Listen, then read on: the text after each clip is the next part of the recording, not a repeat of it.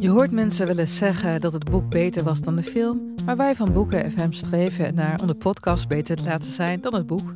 Wij lezen de klassiekers die je nog niet gelezen hebt. We lezen de boeken die je heel graag wil lezen, maar waar je eigenlijk voor schaamt om in het publiek mee gezien te worden.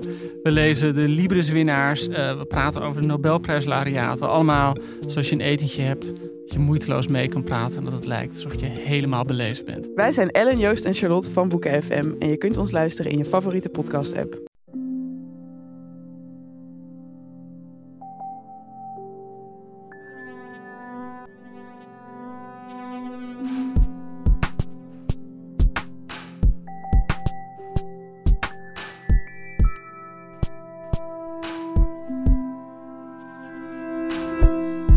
Welkom bij aflevering 10 van de Relaas podcast. In de Relaas vertellen mensen een waar gebeurd verhaal dat ze zelf hebben meegemaakt. Deze keer is dat het verhaal van Lisbeth van Eekhout, een goede kennis. Op een dag leerde ik haar Serial kennen, de meest succesvolle podcast ooit. En daarna Echt Gebeurd en The Moth. Die podcasts waren trouwens de inspiratie voor Relaas en daarom moest Lisbeth gewoon eens langskomen. En dat deed ze.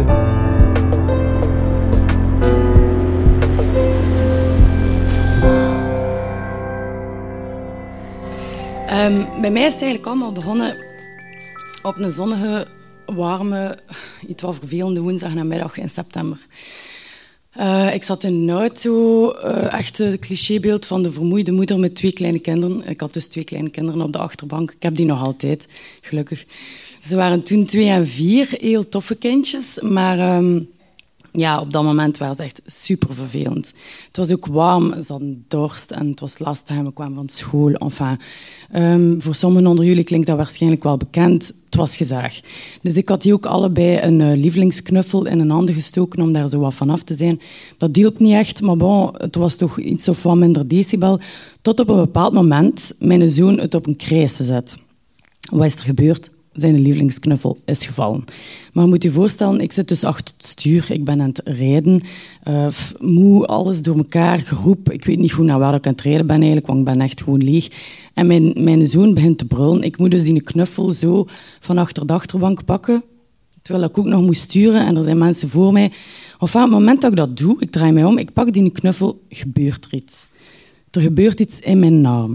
Ik kan het niet anders beschrijven dan het lijkt alsof er iets loslaat. Er knapt iets in mijn arm. Dus ik kan toch die, die knuffel pakken. Ik geef aan uh, aan mijn zoon. Hij zwijgt niet, maar bon, het is min of meer uh, gesust. En uh, ik rijd door, ik ga naar huis. Bon, het leven gaat verder. Um, maar die arm, die gaat niet verder. In de zin van, er, er ontspruit iets in mijn arm dat heel raar is.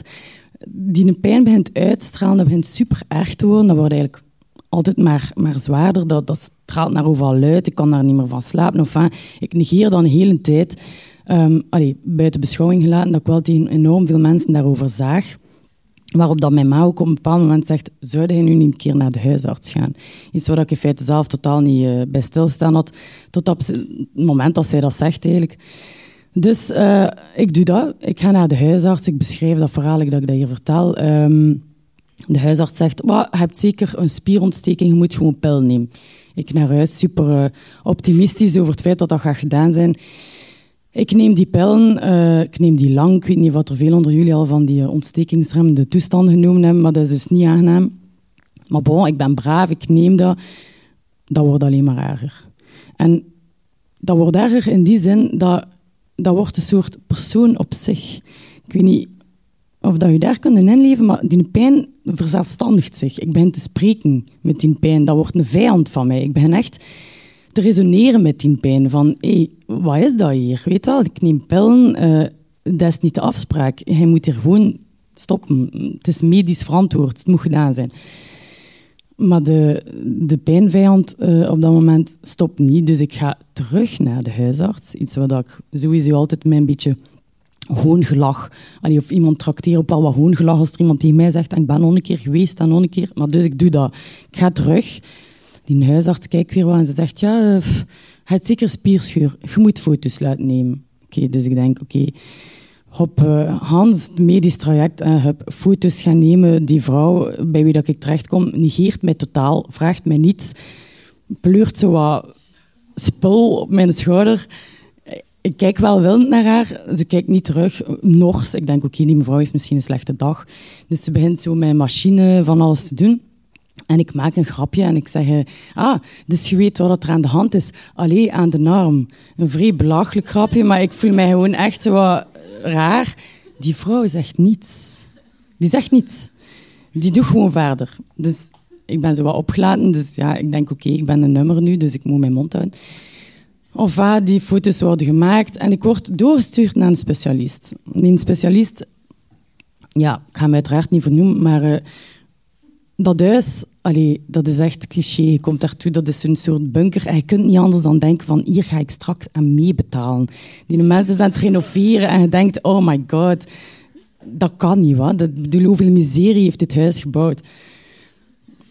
Die mensen zijn dan ook nog zo een springend veld. En dat gaat eigenlijk ook niet echt over mijn probleem. Hij vraagt daar ook niet echt iets naar.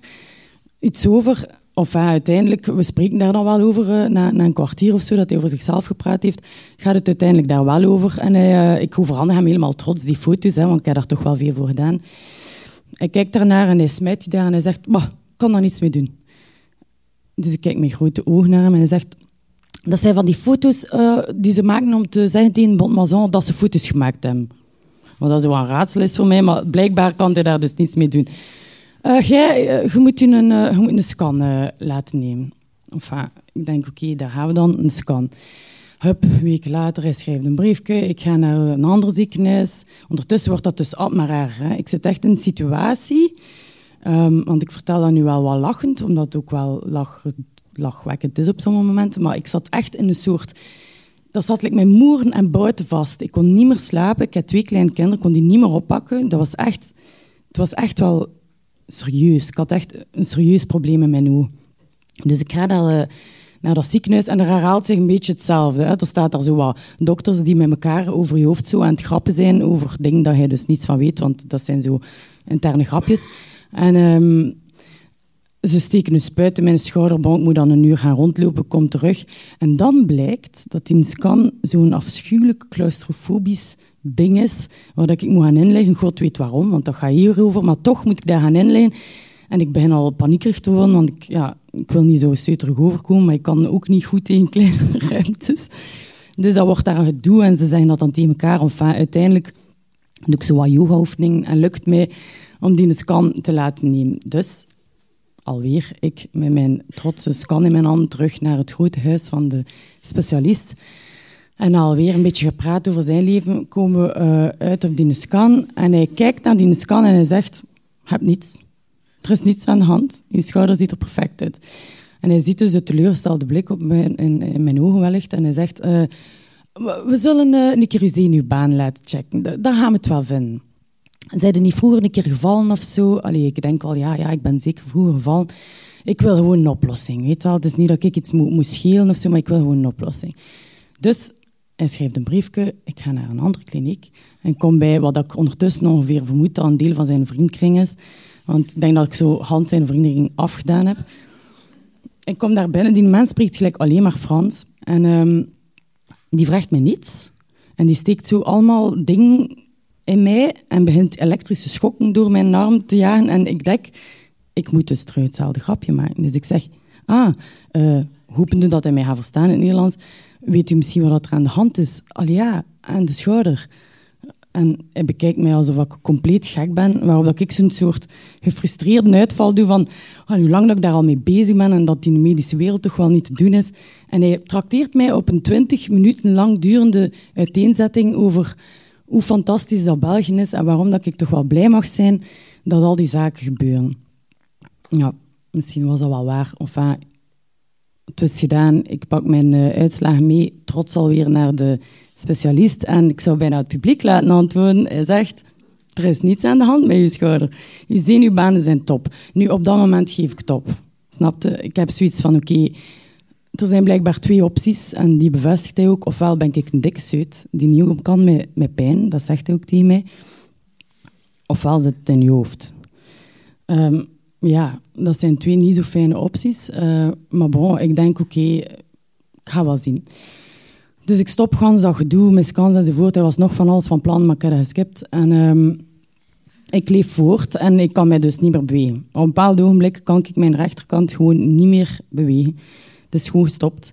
En ik zit dus weer wat te klagen dat ik moet niet zo'n leuke vriendin geweest zijn, even. Maar bon, ik zit dus weer te klagen tegen een vriendin van mij. En je moet weten, ik ben echt een redelijk nuchter persoon. Ik ben ook opgegroeid in zo wat nuchtere, realistische omstandigheden. Mijn vriendin is ook een nuchtere persoon, maar niet op het moment dat ze van haar trap gevallen was. Ze was vrij zat op haar eigen feestje in haar huis en ze valt van haar trap.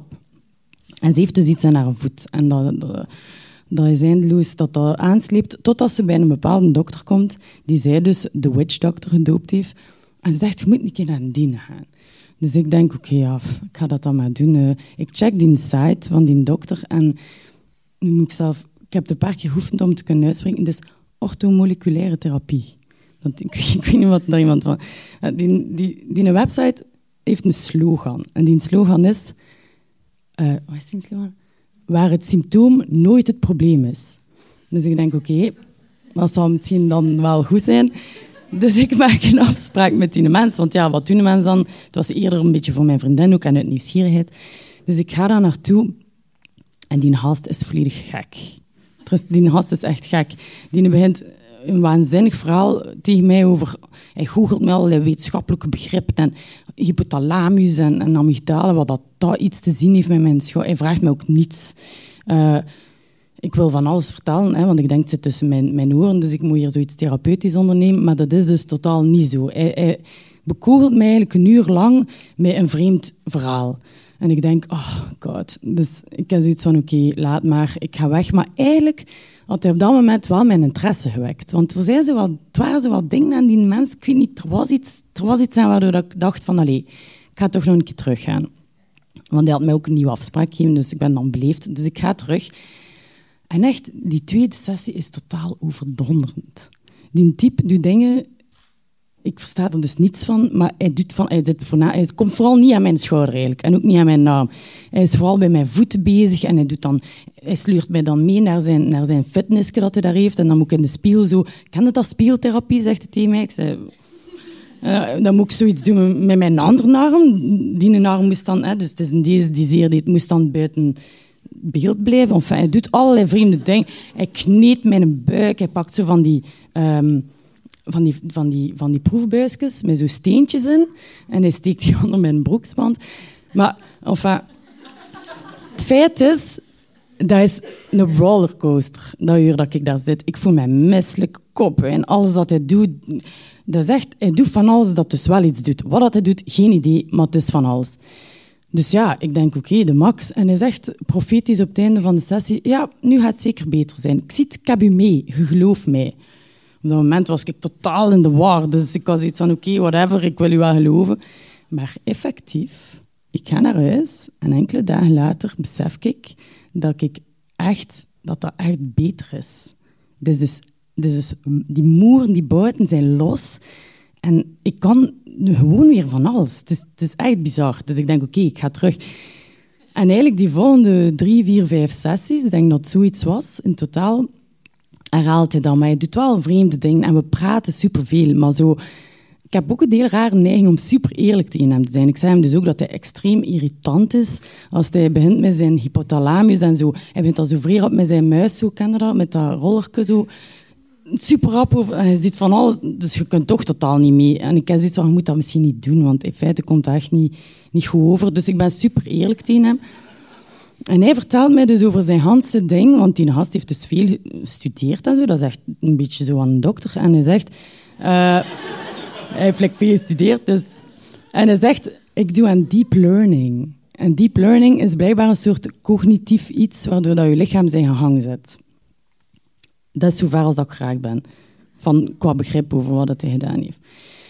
Maar nu heb ik dus een nieuw probleem. Want mijn arm is dus veel beter en het is echt max. Maar mijn nieuwe probleem is de martelende onzekerheid van wat doet die naast eigenlijk. Mensen vragen mij dus, wie dat ik gezegd heb over mijn naam, van alleen en dat is nu beter, en hoe kan mijn ma kan dat misschien ook, en mijn onkel, want die heeft iets aan zijn knie. En ik kan dat dus niet uitleggen. Want ik weet dat niet. Ik kan dit verhaal eventueel doen, maar ja, dat is veel te lang en, en ik ga dat ook geen duizend keer vertellen. Maar ik weet dat. Dus een martelende onzekerheid van, oh my god, hoe kan? Ik versta dat niet en hoe gaat dat? Totdat ik dus vorige week nog maar eigenlijk in de les, ik, volg nog les af en toe, zit uh, in de zinswetenschappen in Dunalan en ik ken een fantastische prof, zo'n vrij mager madame, maar ze is echt fantastisch. En uh, ze is bezig over het effect dat scheiding heeft op kinderen. En ze heeft het dus over het feit dat kinderen eigenlijk een verhaal moeten krijgen. En dat als het uiteen gaat, dat het belangrijk is voor een kind dat ze een verhaal krijgen. Dat dat geen complex verhaal moet zijn of dat het niet moet vertellen wat dat allemaal met iemand anders eventueel uit uitstoot, maar dat een kind gewoon moet horen van, het zit zo. En dat kind moet voelen dat verhaal klopt en dat moet juist aanvoelen. En ze vertelt over het feit dat er niets zo moeilijk is voor een mens, en dat begint dus bij kinderen, als niet weten wat er gebeurt. Omdat het gevoel hebben dat je iets, ja, iets begrijpt, geeft ook betekenis natuurlijk aan dingen. En plots valt mijn frang. En ik zoiets van, dat is eigenlijk hetgeen dat mij al de tijd zo, zo tegensteekt. En misschien moet ik nu wel gewoon ook dat kinderachtig gevoel dat ik eigenlijk van in het begin al heb, van dit voelt juist aan en dit voelt goed aan, misschien moet ik dat gewoon aanvaarden. En moet ik gewoon loslaten dat ik niet begrijp wat dat hij aan het doen is. Ik heb dat zo gedaan en uh, alles is uh, sindsdien perfect oké.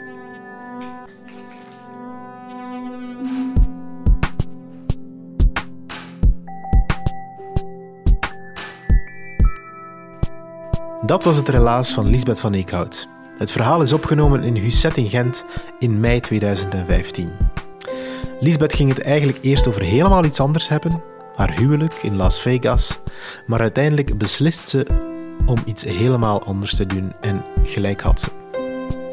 Relaas is naast een podcast ook een maandelijkse vertelavond in Gent. Heb je zelf een bijzonder verhaal of wil je iemand tippen die een goed verhaal heeft? Wil je er zelf graag eens bij zijn als de verhalen verteld worden? Surf dan naar www.relaas.be en je komt alles te weten over ons, over de vertelavonden en over de podcast. Relaas kwam tot stand met de steun van Stad Gent, dankjewel, Urgent FM en het Rek Radiocentrum. Onze crew bestaat uit Dieter van Huffel, Timo van de Voorde, Sarah Latré, Sarah Smet, Valerie Schreurs, Philip Cox, Evert Savers, Charlotte Huigen en ik ben Pieter Blomme. Like ons op Facebook. Typ gewoon relaas in op je uh, toetsenbord. Abonneer je op onze podcast op Soundcloud of iTunes. Waardeer ons op iTunes. Laat een comment achter. We hebben alles nodig. Een duwtje in de rug is altijd welkom. Bedankt om te luisteren en vergeet niet af en toe eens loslaten. Ook al begrijp je daardoor niet alles wat er rondom jou gebeurt, het is oké.